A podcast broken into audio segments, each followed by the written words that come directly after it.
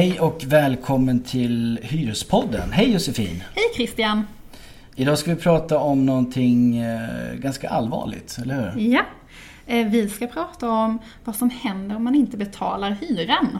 Ja, vad kan hända då? Mm. Eh, till gäst idag har vi Karina Nielsen. Hej Karina! Hej! Vem är du? Varför är du här? Ja, jag jobbar som socialsekreterare på socialtjänsten här i Malmö. Och eh, bland annat med, eh, eller nästan uteslutande med vräkningsförebyggande arbete. Ja, vad kul. Kul att du kunde komma. Tack. Eh, vi tänkte göra så här att vi, jag och Josefin berättar lite först kort om det juridiska eh, vid vad kan hända rent juridiskt när du inte betalar hyran. Ja, Eller hur Josefin? det är så. Ja. Så är planen. Så är planen ja. Vad är, vad, vad är det som, varför är det så otroligt viktigt att betala hyran i tid?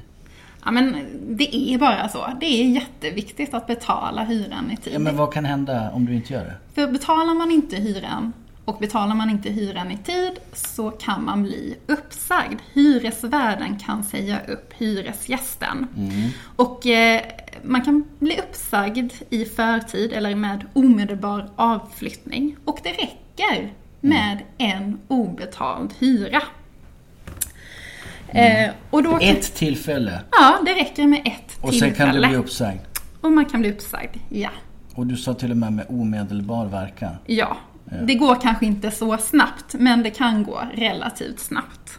Eh, hyresvärden kan eh, ansöka hos Kronofogden om avhysning.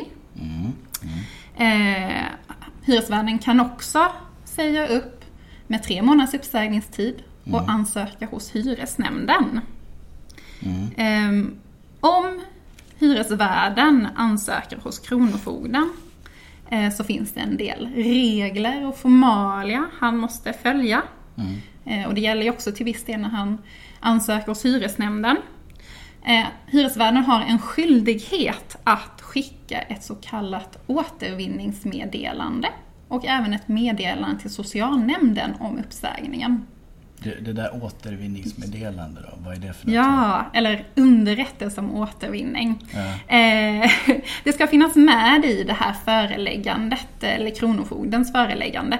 Ett återvinningsmeddelande är egentligen ett meddelande till hyresgästen om möjligheten att, eh, att om man då har en obetald hyra, att man har möjligheten att vinna tillbaka sin hyresrätt. Betalar man skulden inom tre veckor.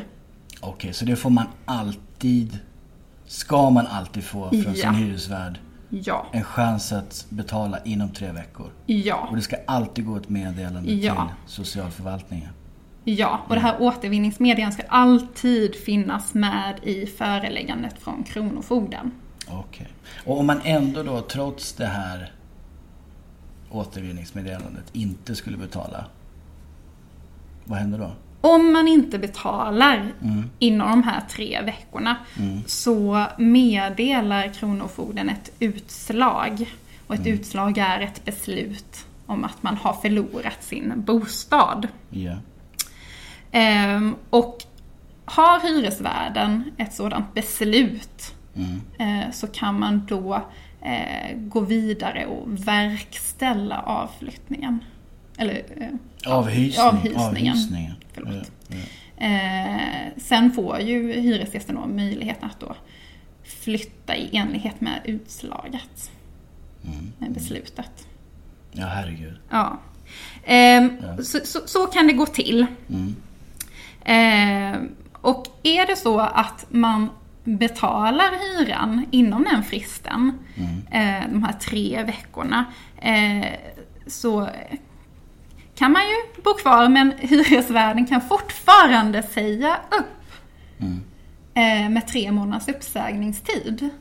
För det är ju också så att är man försenad med hyran flertal gånger, även om man inte har en skuld längre, har man varit försenad med hyran ett flertal gånger så kan hyresvärden ändå säga upp med tre månaders uppsägningstid och ansöka hos hyresnämnden.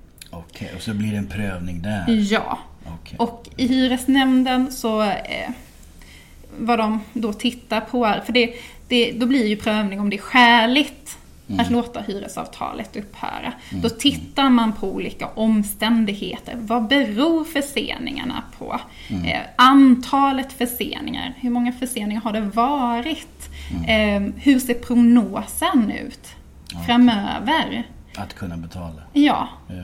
Det kanske är så att eh, man under tre månader inte har haft eh, en, en inkomst men nu har man fått ett nytt jobb och man eh, har skaffat autogiro. Så att betalningen kommer komma i tid. Mm, okej, Ja, okej. då, då är det kanske lite positivare. Ja men jättebra, då har vi rätt ut lite grann kring det här juridiska. Det är ju inte helt enkelt. Eh, vad, om Karina nu skulle svara då lite på det här, det här vräkningsförebyggande arbetet som ni jobbar med inom kommunen. Hur ser det ut? Eh, Ja, det, det är ju tyvärr så att eh, det är inte lagstadgat. Det finns inte i hela Sverige. Malmö Okej. har ju valt att satsa på vräkningsförebyggande arbete som en del i att motverka hemlöshet. Mm. Och ehm, vi, får ju underrätt, vi får ju de här underrättelserna som Josefin pratade om. Eh, det gäller ju både hyresskulder, uppsägningar på grund av hyresskuld och meddelande om störningar. Mm. Och vi eh, agerar ju på dem eh, och kontaktar hyresgästerna antingen bara med brev eller så kallar vi dem till oss. Barnfamiljer och personer över 65 år är ju prioriterade så att de söker vi alltid personlig kontakt med. Mm. Ehm, varför ska hyresvärden skicka ett sånt här meddelande till socialnämnden vid uppsägning? Det, är ju, det står ju i eh, det som kallas hyreslagen, Jordabalken. jordabalkens 12 kapitel och 44 paragrafen. Vänta nu här Josefin, det här borde du känna till. Nej, det gör jag inte. Förlåt, fortsätt Karina. Ja, Det står i lagen. det står i lagen Mm. att socialtjänsten ska underrättas. Och ehm, att det är ju väldigt bra att vi kan komma in i ett tidigt skede och eh, för, förhindra ett flertal avhysningar. Ja. Vad gör socialnämnden eller socialförvaltningen när ni får ett meddelande om att då hyresvärden har sagt upp en hyresgäst? Ja, som jag sa innan så alla får ju brev om att hjälp finns att få hos socialtjänsten. Ehm, dock, vi måste ju göra en reservation att det är ju i de kommuner som har vräkningsförebyggande arbete. Men hos oss är det då så att eh, hyresgästen får ett meddelande att hjälp finns att få. Mm.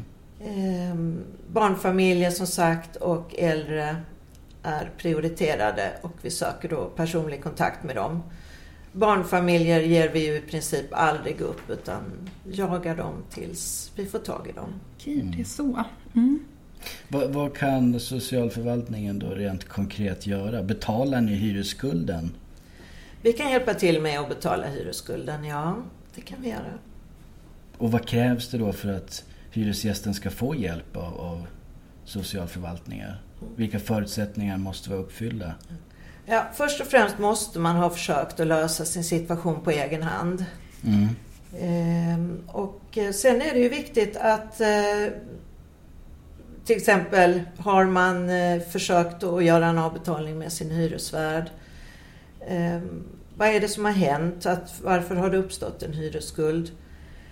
Ehm, man måste alltid vara ärlig med vad det är som har hänt oavsett hur jobbigt det kan vara. Mm. Och finns det en plan för att hyresskulden inte ska uppstå igen? Mm. Men oavsett om en kommun har vräkningsförebyggande arbete eller inte så är man ju alltid berättigad till att söka, söka hjälpen. Mm. Och då är det söka ekonomiskt bistånd. Söka ekonomiskt bistånd Ja. för eh, hyresskulden. Och som sagt, som jag sa innan, var ärlig. Eh, är det spelmissbruk, berätta öppet om det. Diskutera om det finns lösningar för den Mm. biten. Mm. Det finns andra typer av missbruk också naturligtvis. Finns det lösningar på det? Det kan ju helt enkelt vara så att det är ett glapp mellan eh, en sjukskrivning och, och Försäkringskassans ut, utbetalning och så vidare. och så vidare. Mm. Så att eh, det går att lösa. Det finns ju också att man kanske måste ha mera långsiktiga lösningar. God man i förlängningen när man börjar bli äldre. Och en god man skulle då sköta betalningarna så de kommer i tid. Ja, ja, det blir ju en sorts garanti. Mm. Mm. Eh, om Kronofogden meddelar ett utslag och hyresvärden eh, begär verkställighet, vad kan socialförvaltningen eller socialtjänsten göra då? Vi kan ju, vi fortsätter ju fortfarande att arbeta. Eh, Man kan ju rädda hyresavtalet även efter detta men det är ju upp till hyresvärden Mm. att fatta beslutet. Det är hyresvärdens goda vilja. Det är hyresvärdens goda vilja om hyresgästen får bo kvar eller inte. Ja. Många gånger kan det ju vara billigare och enklare för hyresvärden att låta hyresgästen bo kvar trots allt. Mm. Ja. Eh, Du var ju inne lite på det Karina, det här med när barn är inblandade så sa du att där ger ni aldrig upp utan där söker ni kontakt till varje pris. Eh, Tar man särskild hänsyn när det finns barn inblandade i avhysningar? Ja. Barnperspektivet vä- väger väldigt tungt vid eh, hyresskulder. Mm. Eh, Ja, vi vill ju inte att några barn ska bli av med sina permanenta boenden. Men eh, Ja. det händer ju trots allt. Men ja, Hur, hur, jag tänker generellt, om, om vi ser nationellt, hur många hyresgäster blir avhysta varje år? eh, det är en, de tre senaste åren har ju siffran varit relativt konstant. Från 2016 var det 1973 hushåll. 2017 1938 hushåll och 2018 2022 hushåll. Mm. Det ligger jämnt där. Det är ganska konstant ja. Ja. Och hur, hur många då, om man har barnperspektivet, hur många barn är det som är inblandade i de här siffrorna? 2018 så var det 448 barn som berördes av avhysningar. Mm. Och det gäller ju både permanentboende och eh, umgängesbarn. Mm. Och hur har det sett ut eh, eh, över tid?